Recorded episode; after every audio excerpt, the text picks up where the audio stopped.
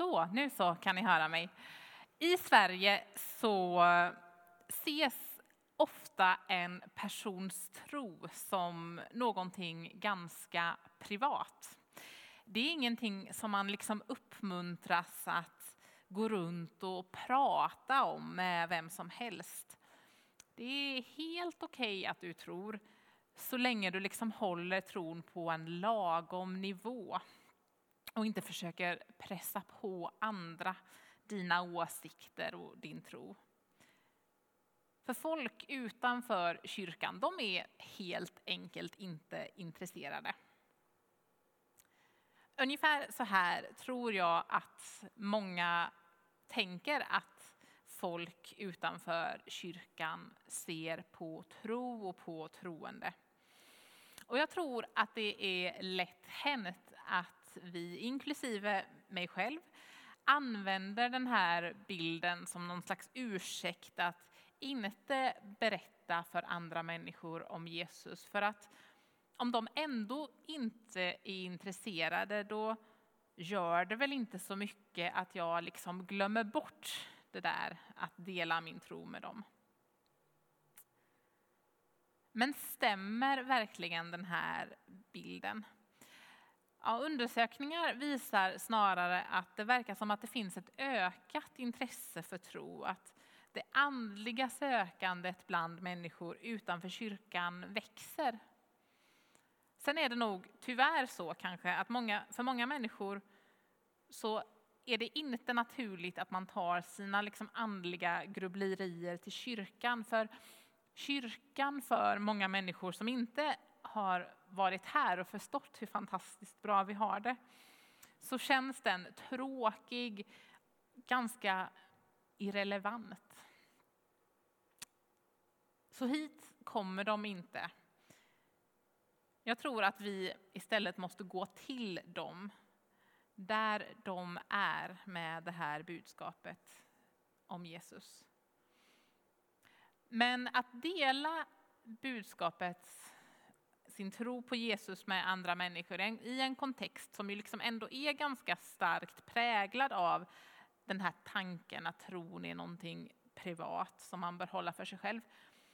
Det kanske inte är helt enkelt. Så i den här predikan så ska vi prata lite om, fundera lite kring hur gör man egentligen det där? Bibeltexten som Evi läste en liten del från, ifrån, den handlar om två av Jesu lärjungar, Petrus och Johannes. De bor i Jerusalem och de är på väg upp till det judiska templet för att be. Den här uppdelningen som ju finns idag, att kristna, det är en grupp och judar, det är en annan grupp, den fanns inte så här tidigt i historien, utan de första kristna de höll i ganska hög grad fast vid sitt judiska arv så länge det inte liksom krockade med Jesu undervisning. Och då valde de ju naturligtvis att följa Jesus istället. Men Petrus och Johannes de är på väg upp till templet för att be. Och på väg upp till templet så stöter de på en man som är lam. Och den här mannen ber Petrus och Johannes om lite pengar. Kanske vill han köpa lite mat, kanske finns det något annat som han behöver för att liksom underlätta livet. Men Gud, han vill inte bara underlätta olika jobbiga situationer som vi befinner oss i. Han vill totalt upprätta oss och vår situation. Gud vill inte bara hjälpa oss så att vi med liksom minsta möjliga marginal liksom precis lyckas klara oss en dag till. Nej, Gud han är god, han är kärleksfull och han vill totalt befria oss från det som tynger oss. Så Petrus han förklarar att tyvärr, han och Johannes har inga pengar. Men de har någonting annat, någonting bättre. Och så tar han tag i mannens högra hand och liksom drar upp honom på fötter. Och benen bär den här lame före detta lame mannen. Den här mannen bad om småpengar men han fick någonting som var så mycket större, så mycket bättre än någonting som han hade kunnat tänka sig. Han fick ett helt nytt liv helt enkelt. För Gud, han är större, han är godare, han är mer kärleksfull än vi någonsin kommer att förstå. Här var en liten parentes, men jag tycker att den här berättelsen lyfter fram det här så bra, så jag ville ta den. Men i alla fall, den här händelsen leder till att Petrus och Johannes grips och de ställs inför rätta hos det judiska rådet. Men istället för att liksom snällt låta sig förhöras så börjar de att predika. Kan bara tänka sig hur irriterade de här rådsmedlemmarna måste ha varit. Och i slutet av sina tal så säger de Tänk er själva om det är rätt inför Gud att lyda er mer än honom. Vi kan inte tiga med vad vi har sett och hört. Petrus och Johannes, de eh, kommer ju att skriva flera av breven i Nya Testamentet. Och i de här breven så skriver de fram och förklarar mycket av det som kommer att bli kyrkans teologi. Men när de står inför rådet den där gången och ska förklara sig så använder de sig inte av de här långa teologiska resonemangen. Det är inte akademisk kunskap som lyfts fram, trots att de ju uppenbarligen, om man läser senare i Nya Testamentet, förstår att de är fullt kapabla till det. Istället är det de enkla personliga berättelserna om vad de har fått uppleva tillsammans med den här snickarsonen från Nasaret som får vara i centrum av deras berättelse. Vi kan inte tiga med vad vi har sett och hört. Kanske kan, behöver det här att berätta för andra människor om vår tro på Jesus inte vara svårare än så här. Att dela med sig av vad Jesus har gjort för oss i våra liv. Så som Anna berättade om i barnrutan. Det som Petrus och Johannes gör, det är ingenting märkvärdigare, ingenting svårare än att bara berätta vad de har varit med om. De delar sin personliga berättelse, talar om vad Jesus betyder för dem. Evangelisation, det här stora, kanske lite läskiga ordet, behöver kanske inte, kanske är det till och med att det inte ens ska vara mer avancerat, mer komplicerat än så. Vi kan inte tiga med vad vi har sett och hört. Frågan, tänker jag, till oss idag utifrån det här påståendet, det tänker jag är vad är det jag har sett? Vad är det jag har upplevt? Vad är det som, oavsett om det ligger långt tillbaka i tiden eller om det är någonting som hände i förrgår, liksom fortsätter att prägla mig och mitt liv? Vad är din berättelse? Vad är det som Jesus har gjort i just ditt liv? Vad betyder han för dig? Det, tänker jag, är det som du ska ha som utgångspunkt i samtal med dina vänner och med människor runt omkring dig.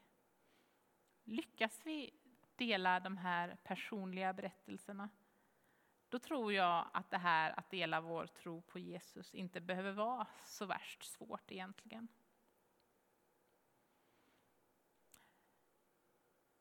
Men jag tror också att det handlar om att hitta rätt människor. När Jesus i Lukas evangeliets tionde kapitel sänder ut sina lärjungar så uppmuntrar han dem att hitta en fridens man. En fridens man. Vad är det för någonting kan man fråga sig. Jesus han ger ingen så bra definition på det här, men om man läser lite grann mellan raderna så tror jag att det handlar om att hitta en person som är villig att lyssna till vad du har att säga. Det kan handla om en person som är sökare av något slag, som helt enkelt är lite nyfiken på kyrkan och på Gud, som ställer en följdfråga när du berättar att du är med i kyrkan och som intresserat berätt, lyssnar till vad du har att säga. Det kan handla om en person som helt enkelt gillar dig och som eftersom det är just du som berättar faktiskt lyssnar på vad du har att säga.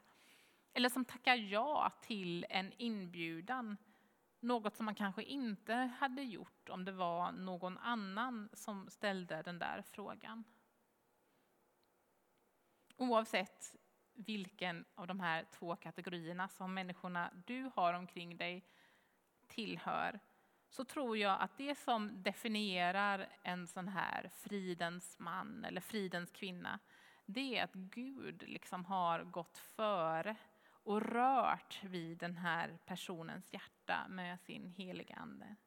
Gud har förberett något och vi behöver bara följa efter. För att illustrera det här så vill jag berätta om någonting som hände när jag satt på en flight mellan London och Göteborg. Jag reste ensam den här gången och satt och läste en bok för att liksom få tiden att gå. Så efter en stund så vänder sig mannen som sitter jämte mig om och frågar vad jag läser. Och jag svarar, jag kommer inte ihåg vilken bok det var, men han konstaterar att själv läser han nästan bara skämtböcker, gärna med Göteborgshumor. Och jag svarar att ja, jag är nog ingen, inget stort fan egentligen av ordvitsar. Och det kanske är för att jag är inte från Göteborg så jag förstår inte riktigt vad som är så speciellt med dem. Och han frågar då, ja men var är du från i så fall? Jönköping, svarar jag. Ja, men då är du kristen. Ja, det är jag. Och sen har vi ett ganska långt samtal där på flygplanet.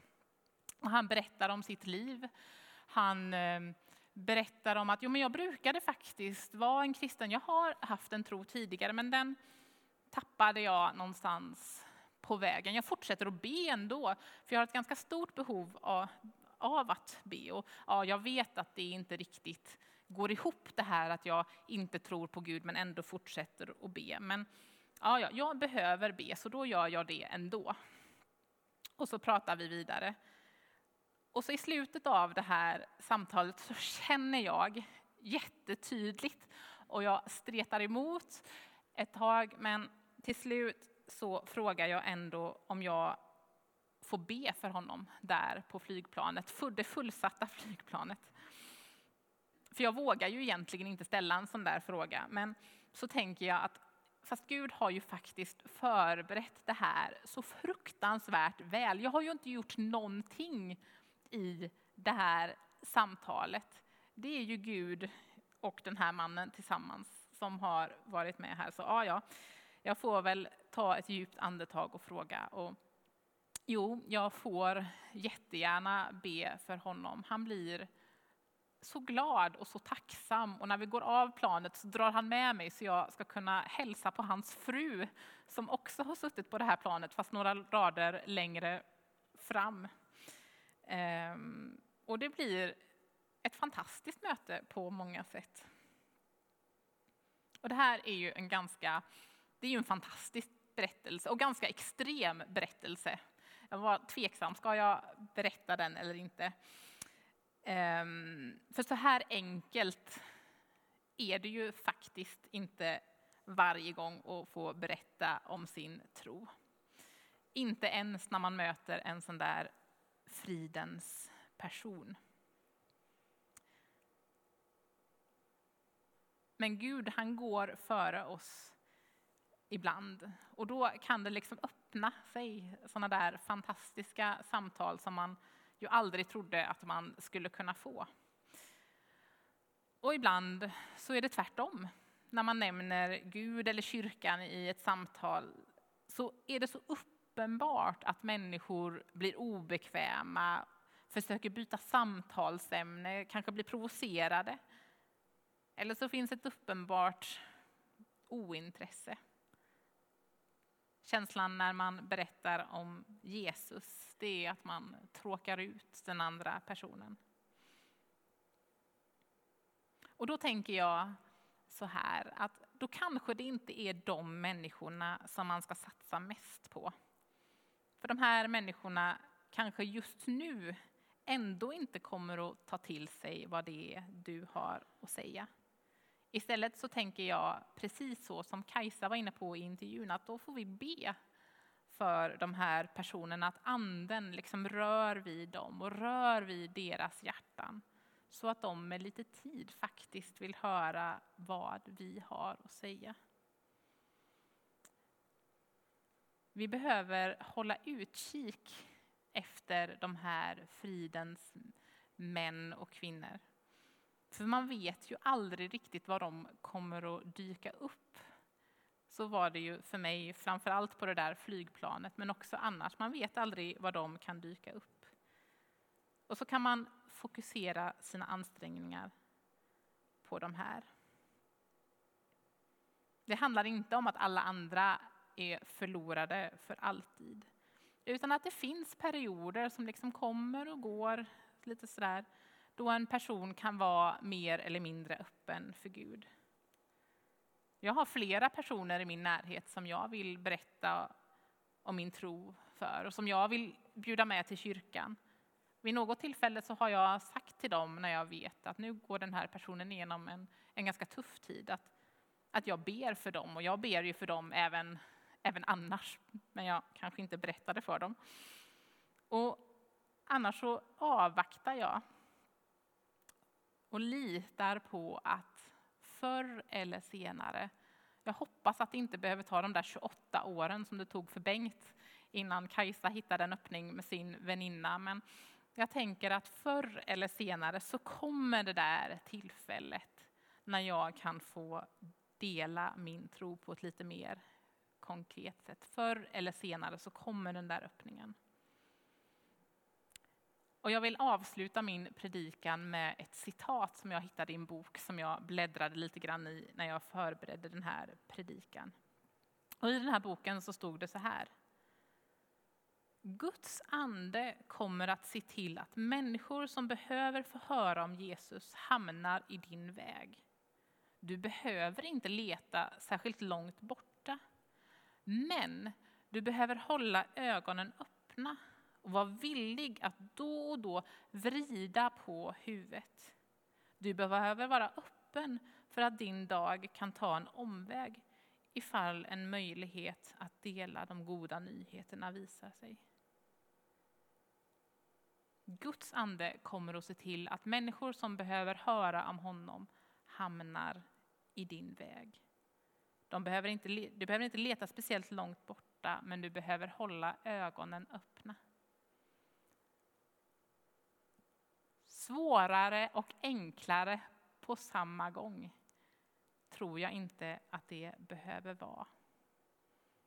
Jättesvårt och jättelätt på samma gång. För helt plötsligt så tror jag att de är där, de där tillfällena när vi kan få finnas med och dela våran tro och berätta för andra om Jesus. För jag tror att människor faktiskt vill höra om honom, faktiskt är mer nyfikna än vad vi ibland tror. Och då kan det gå nästan av sig självt. Ibland lite trögare, men folk vill höra din berättelse. Så var inte rädd för att dela den. Nu ska vi sjunga tillsammans psalm 96 som handlar om det där att öppna sig för Gud och låta honom verka i oss och genom oss.